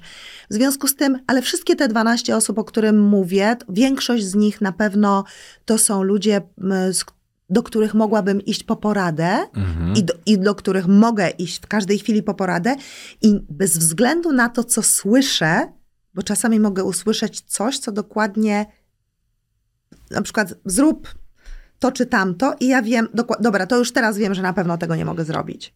I nie dlatego, że myślę, że ta osoba poradziła mi złośliwie, wręcz przeciwnie. Dlatego, że poczuję coś, Mhm. Ja bardzo słucham się swojej intuicji, że poczuję coś, że to jest dokładnie wbrew mnie jednak. A szczególnie jak to są jakieś praktyczne rady. Ja bardzo nie lubię praktycznych rad, bo ja w ogóle jestem totalnie niepraktyczna, ja jestem e, totalnie, wiesz, e, e, nie, e, raczej, ja, jest, nie, ja nie jestem rozważna i, e, i bardzo tego nie lubię. My z moim przyjacielem, zresztą najbliższym, z którym nazywamy się bratem i siostrą, mówimy, że w ogóle, w ogóle praktyczność i zdrowy rozsądek przynosi nam pecha. Ty jesteś bardzo niekonwencjonalna. Więc, bo wiesz co, to wyłącza twój instynkt, po prostu. To jest tak, jak kiedyś ktoś mnie zapytał, czy ja jestem na coś tam gotowa? A ja powiedziałam tak, ale ja sobie się nie będę zastanawiać teraz, czy ja jestem na to gotowa, czy nie. I ja nie mam zamiaru teraz tego googlować i analizować. Ja po prostu tego chcę i wiem, że jestem na to gotowa. I nie, nie chcę analizować tego dłużej. I ten ktoś mi mądrze powiedział, to znaczy, że jesteś gotowa. Też wiem, że jesteś królową prezentów i to nawet nie chodzi o pieniądze, ale jednak, że bardzo dobrze szukasz w tych ludziach tego, co sprawi im uśmiech na ustach. Jednak mnie zastanawia, co ty sama sobie kiedyś kupiłaś, albo całkiem niedawno, ale sprawiło tobie taką o, autentyczną to lista radość. by była długa. No nie, no może są takie rzeczy, o których marzyłaś jako mała dziewczynka, a mogłaś sobie pozwolić dopiero jako dorosła kobieta i to była taka faktycznie pierwsza fascynacja tym, co mogłaś kupić. Wiesz co, ja, ja najbardziej kocham rzeczy do domu. Ja słuchaj, jak ja- rzeczy do domu plus piękne albumy. Ja jak wchodzę do takiego sklepu, to ja dostaję takiego odjazdu rozumu, że ja nie zastanawiam się nad tym, że ja będę musiała to dźwigać, e, wsadzać do jakichś samolotów i o to dbać, że to może mi się rozwalić po drodze i tak dalej. Znaczy, jak ja widzę coś takiego, to, to rozum mi naprawdę odjeżdża. W związku z tym rzeczy do domu są to jest moja numer jeden pasja. Jak ja mogę kupić, jak ja mogę, na przykład pamiętam kiedyś z Mykonos, dźwigałam w ręku jakieś e, przepiękne kieliszki, które miały takie złote, ołowiane, z ołowiem, ołowiem wypełnione podstawki, więc nadźwigałam się tego po prostu jak szalona, ale przyjemność z tego, że ja to mogę mieć. Bo kiedyś też takich, bo to jest nie tylko, że ja po pierwsze, że nie mogłam sobie kiedyś na to pozwolić, pozwolić, jak byłam młodziutka, po drugie tego w ogóle nie było. Ja pamiętam, jak właśnie ze swoją ciotką oglądałam jakieś, wiesz, amerykańskie wołgi, jak, które jakiś wujek nam przysyłał sześć albo ileś miesięcy przeterminowane. Ja patrzyłam na ten wielki, kolorowy świat i mówiłam, Boże, dlaczego u nas tak nie może być? Pomimo, że miałam szczęśliwe y, dzieciństwo i nic takiego strasznie materialnego mi nie brakowało, ale ja mam niesamowitą wrażliwość na piękno, na luksus, na piękne rzeczy. Ja, ja dookoła siebie muszę mieć e, ładnie. Ja, ja nie wiem, jak ja kupowałam jako czternastolatka papierosy, to one musiały być ładne. No, pierwsza podstawowa rzecz, musiały mieć ładne pudełko, rozumiesz? No więc ja się tą zasadą kieruję do dzisiaj. O, dość, e, dość długo. No ale również zrobiłaś sobie prezent tą okładką Playboya, no bo wszyscy ci ją odradzali, to, to, to na Znaczy, pewno kilka osób o tym wiedziało i oprócz jednej, mojej najbliższej przyjaciółki, wszyscy mi to odradzali, ale po co ci to, a będzie afera, ale po co ci to? No po co ci to? No właśnie i to jest genialna odpowiedź, którą zresztą uknęłam razem z Anetą. Siedziałyśmy, o tym rozmawiałyśmy, bo chciałam i mogłam. I to jest moja złota odpowiedź na wszystko. Nic więcej nie trzeba dodawać. I pamiętam, jak moja właśnie przyjaciółka e, zapytała mnie, słuchaj, a jaki ty sobie prezent zrobisz na pięćdziesiątkę? A ja mówię, słuchaj, no mam taki jeden prezent w zanadrzu, mianowicie to będzie okładka Playboya. Ja widziałam, jak jej po prostu opadła szczęka, ale, ale w takim pozytywnym tego słowa znaczeniu. Ona mówi tak, no to czad. Ale również to był czas, kiedy chyba założyłaś konto na Instagramie. Ciebie media społecznościowe w jakikolwiek sposób zmieniły? Że trochę inaczej zaczęłaś pokazywać swoje życie, bo musiałaś nałożyć filtr tego, że ktoś to ocenia? Wiesz, jak mnie zmieniły? Na początku to było tak, że ja założyłam Instagram, pamiętam, namówiła mnie dziewczyna, e, m- moja dyrektor marketingu z Lamanie, ja mówię, Jezus, trzeba będzie, skąd ja te, to będzie potwornie, upiornie, e, upierdliwe, wiesz, e, codziennie wstawiać jakieś zdjęcie, codziennie o tym myśleć. No i ty się nie martw, ja to będę robiła. I przez pierwszy rok, czy tam prawie rok, ona to robiła faktycznie, ja byłam w to bardzo mało zaangażowana.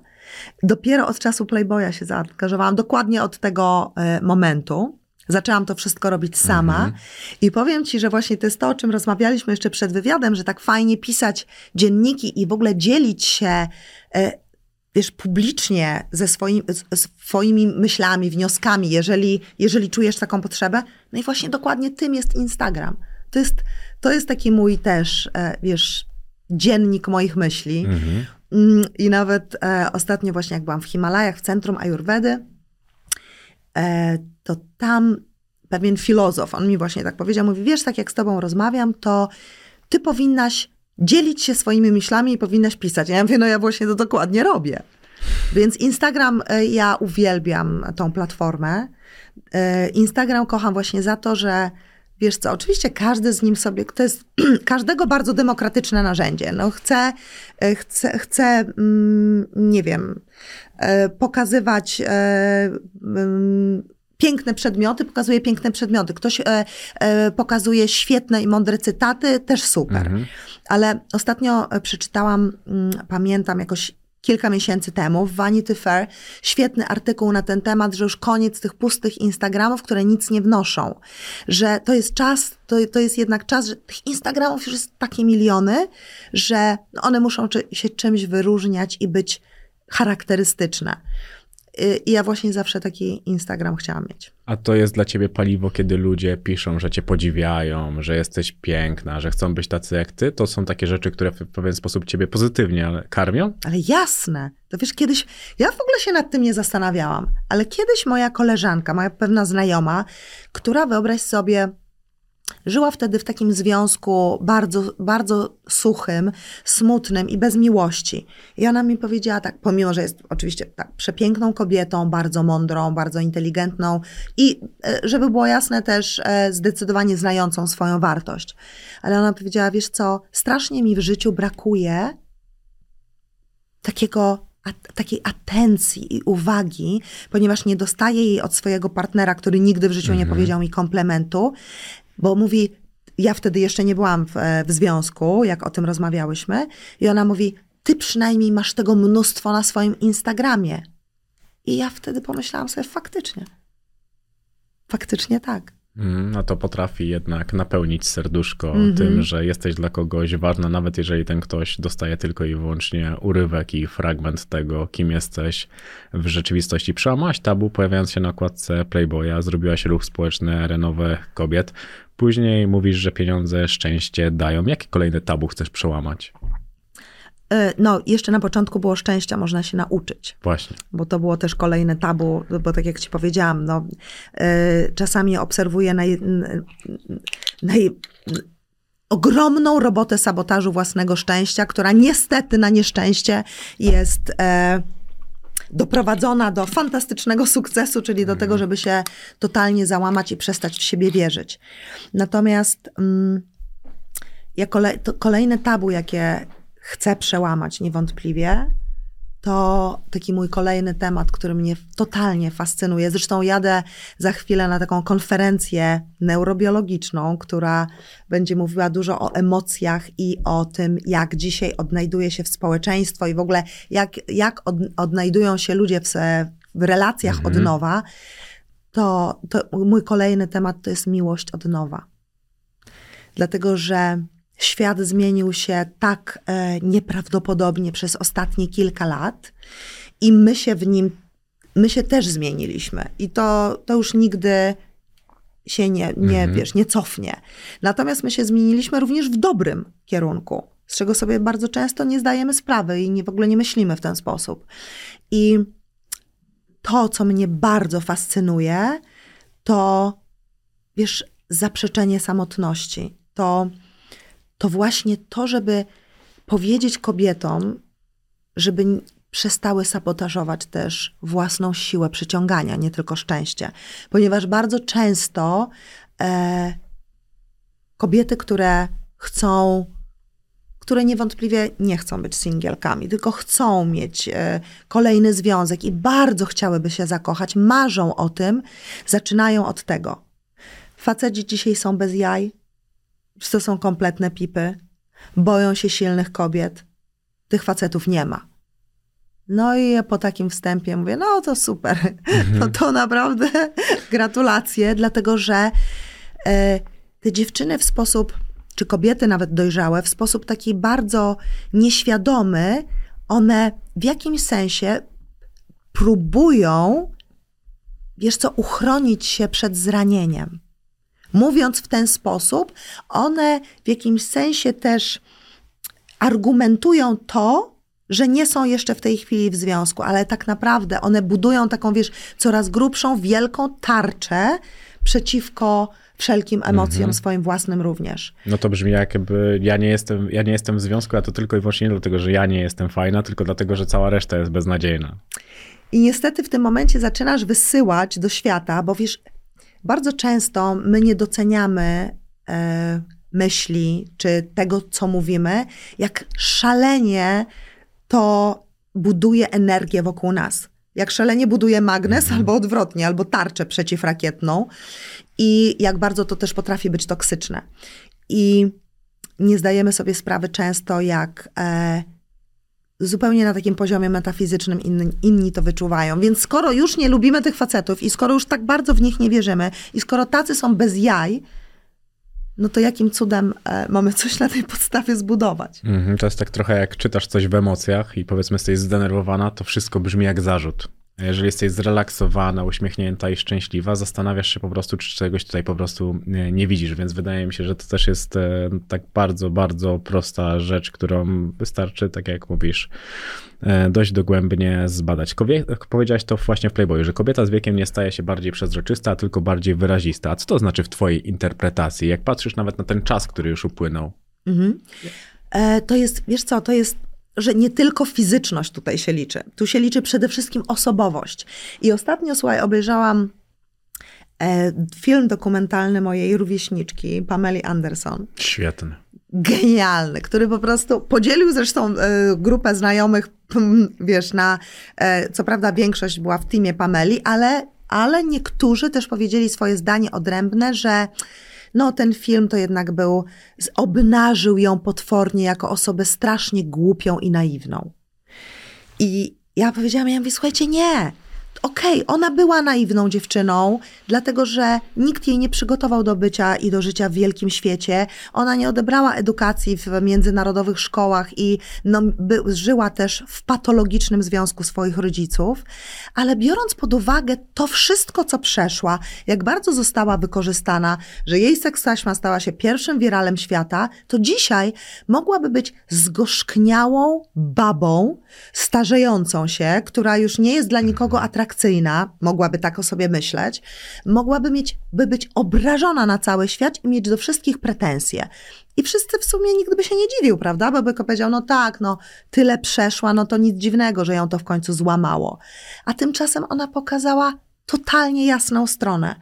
I napisała fantastyczne e, zdanie. Zresztą to był wywiad e, u Miki Brzeziński, u siostry naszego ambasadora amerykańskiego w jej programie Know Your Value, gdzie powiedziała genialne zdanie, które bardzo pokrywa się z tym, co, co ja powiedziałam e, kiedyś, a mianowicie, że bycie pewną siebie, szczęśliwą, że szczęście to jest kwestia wyboru, to my wybieramy, czy chcemy być szczęśliwe i bycie e, taką, bycie silną i sexy w każdym wieku is a kind of rebel.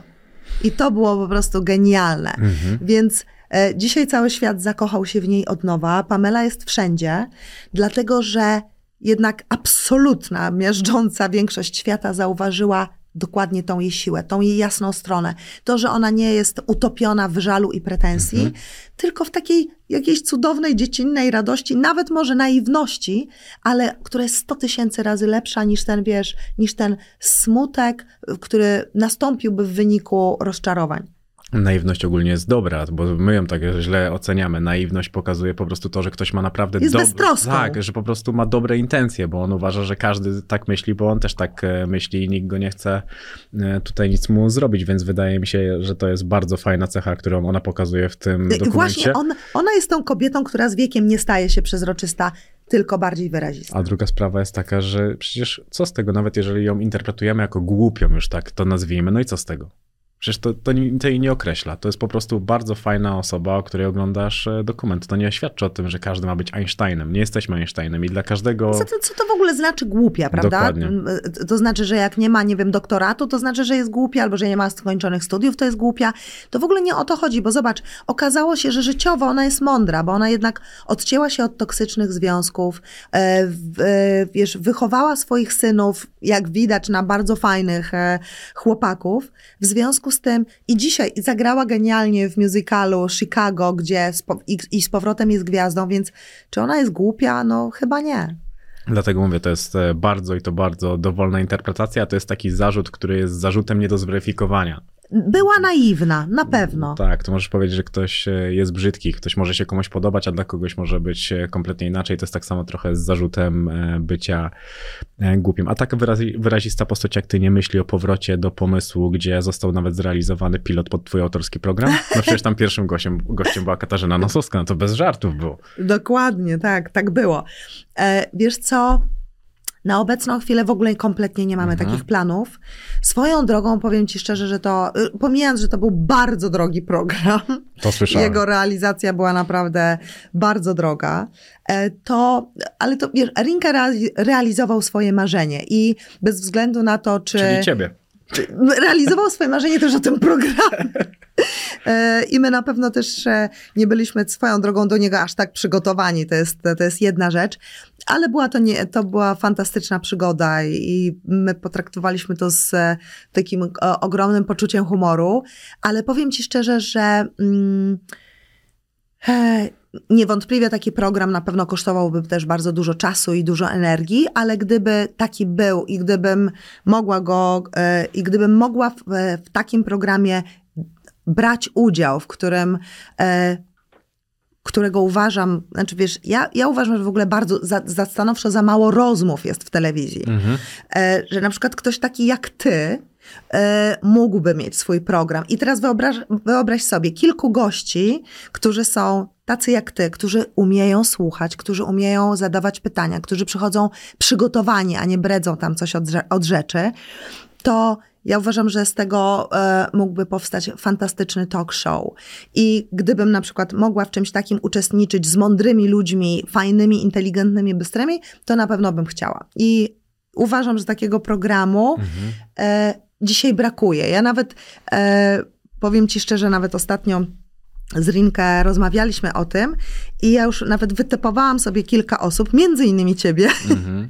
którzy mogliby, w ogóle o sobie nie myśląc już w tym momencie, ale którzy mogliby poprowadzić taki program, wziąć w nim udział i na przykład przegadać takie, wiesz co, e, jakieś najbardziej, najciekawsze momenty dnia i tygodnia.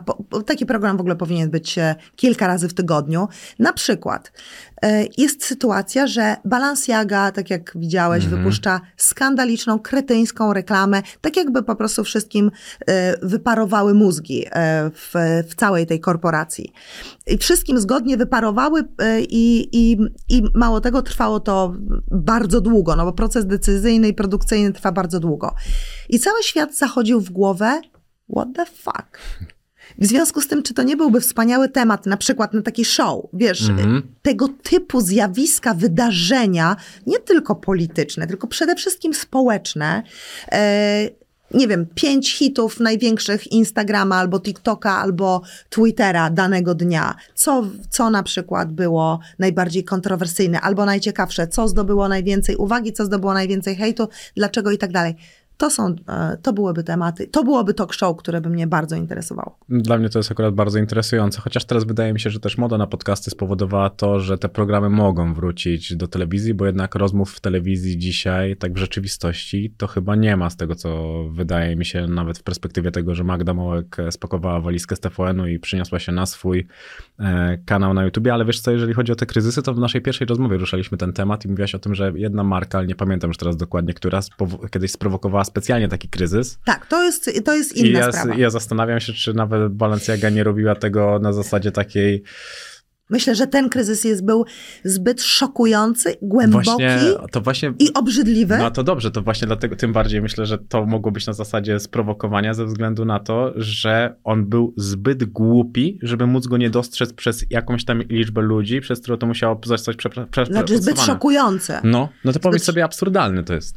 Też o tym myślałam, powiem ci szczerze, ale jednak nie mieści mi się w głowie, że ten temat mógłby być, mo, można by się było nim posłużyć jak takim, Mm. wiesz, jak taką wędką na zainteresowanie mediów. No, dla mnie niestety to jest absurdalne, ale to, Ale jest, może bardzo, tak to, być. to jest bardzo możliwe, a szczególnie, że ta kampania, nie wiem czy widziałaś, ale to było bardzo, ktoś to... Przemyślane bardzo. Tak, tak, Mhm. tak, tam były takie szczegóły, że tego Tak, nie dało że się na- To zrobić. torebka stała tak, na jakieś ustawie. akta, tak, tam było wszystko mniej więcej bardzo precyzyjnie e, opisane. A to prawda, no nie że... był to przypadek na pewno. A masz jakieś telewizyjne produkcje, które oglądasz? Oglądasz jeszcze telewizję? Telewizji nie oglądam, e, aczkolwiek o, oglądam, e, przepraszam bardzo, oglądam e, serial Mój Agent, no, Mhm. który jest produkcją telewizyjną, więc jest to telewizja. Natomiast generalnie nie oglądam telewizji prawie wcale, ale gdyby był taki talk show, o którym powiedziałam przed chwilą, to bym oglądała. No ja wiem, szczególnie mój, no to nie ma, No. nie ma No przecież tak, niczego, no. niczego dziwnego ogólnie, No no to, tak. to ja bym sam oglądał. Ale Kubę Wojewódzkiego mimo wszystko lubię jego, e, jego talk show, no bo jest to jedyny, je- jest jedyny, który jest i mimo wszystko, no jest dowcipny, jest jakiś, no jest jak, tam jakieś tempo, aczkolwiek no, on trwa stanowczo, za, po pierwsze za krótko, to jest, to wszystko powinno, Mhm. znaczy No pytanie, czy show, to o nie są standardy telewizji Tak, właśnie, tak, tak, tak. Także trochę grając w to, czego oczekuje widz, niestety grasz w jego grę, bo można było widza czegoś e, nauczyć. Po to wydaje mi się, że powinna być telewizja publiczna. Że jeżeli TVP Kultura czy TVP Historia, to powinny być rzeczy, gdzie masz sprzedawać ludziom rzeczy, które teoretycznie są trudne, ale możesz ich po prostu gdzieś tam krok po kroku e, edukować, no ale wiadomo, jak wygląda obecna sytuacja, więc to e, trochę, trochę trudne. A jakie masz, jak masz pomyśleć o ulubionych serialach, to jakie przychodzą ci teraz na myśl? E, Big Little Lies, kocham, małe kłamstewka. E, obejrzałam dwa razy. To był jedyny serial, który obejrzałam dwa razy. Mm, Ale wszystko, od muzyki po grę aktorską, scenariusz, reż- reżyserię po prostu było top. The Morning Show, Mhm. uwielbiam. Kurde, czekam na nowy sezon. Kocham, też czekam. E, za chwilę będzie. Tak? Tak, tak, tak. nie tak, wiedziałem. Tak. tak. E, Ozark, Mhm. też po Ojejku. prostu Jezu, kocham. E, Game of Thrones. Mhm. E, No pewnie Billions, bo często Billions cytujesz. i Succession. No to No tak. Succession to po prostu... A ja właśnie z tą suk- sukcesją mam duży ten, nie potrafię tego. Nie? No, Ja tak kocham się zacinam. Podoba mi się ta jedna postać, tego, tego syna takiego marnotrawnego, bo to Mhm. ciekawa postać, ale, ale też po prostu patrzę na to, że jest sześć sezonów do zobaczenia i trochę mnie to hamuje. Co co nam jeszcze Nie jest? sześć, tylko trzy. Nie, nie, sukcesja? No na pewno trzy, no co ty? No czekaj, no sukcesja ma Mówię dużo. Na pewno no. Billions ma sześć, bo teraz już zwątpiłem. Billions? Tak, tak, oczywiście. A jak ci się podobał Billions bez głównego bohatera? E, no to już nie to samo. No, no, właśnie o to chodzi, że jednak czegoś brakuje, bo on był bardzo taki charakterystyczny, soczysty, e, świetny aktor. E, no a poza tym, wiesz, no, był też pewną osią, wo- wokół której, był jedną z dwóch osi, wokół Mhm. której się to kręciło. W związku z tym ta, ta zmiana i ten brak jest bardzo odczuwalny. No ale ja i tak kocham Billions, w związku z tym musiałam się z tym pogodzić, nie było wyjścia. A teraz wyobraź sobie, bo strasznie mi się nie chce oglądać już takich wiesz, głupich jakichś seriali komediowych, to już w ogóle nie. Natomiast wyobraź sobie, zaczęłam oglądać teraz Breaking Bad, od Mhm. którego w ogóle wziął się Netflix i z, i z którego właściwie Netflix wystrzelił e, w kosmos, jeśli chodzi o sukces komercyjny, bo przyznaję, że jest to bardzo inteligentny serial, świetne dialogi, świetnie zagrany. Ja dopiero zaczęłam go odlo- Mhm. oglądać, za- raptem zobaczyłam trzy odcinki, ale, ale jest dobry. A lubisz dużo przepalać czasu na serialach, na rozrywce? Kocham. Kocham i w ogóle robię to kompletnie. Powiem ci, że nawet ktoś mnie e, zapytał. Ja, ja średnio myślę, no co najmniej półtorej godziny e, kilka razy w tygodniu na to poświęcam. I ktoś mnie kiedyś zapytał, a nie szkoda ci na to czasu? A ja mówię, nie. Dlatego, że ja mam totalny balans, czuję, ponieważ ja robię tyle innych rzeczy, które są wartościowe, wiem o tym. E, wiesz, czytam mądre książki, rozmawiam z bardzo mądrymi ludźmi i absolutnie nie czuję tego, żeby, żeby to było moje jakieś marnotrawstwo. Ja to po prostu lubię i to jest mój czas, moja przyjemność i tyle. To już na koniec. Dlaczego wolisz muzykę do tańca niż do słuchania? No dlatego, że lubię tańczyć, no. Wolę tańczyć niż słuchać. Bardzo i to bardzo Ci dziękuję za dzisiaj. Dzięki.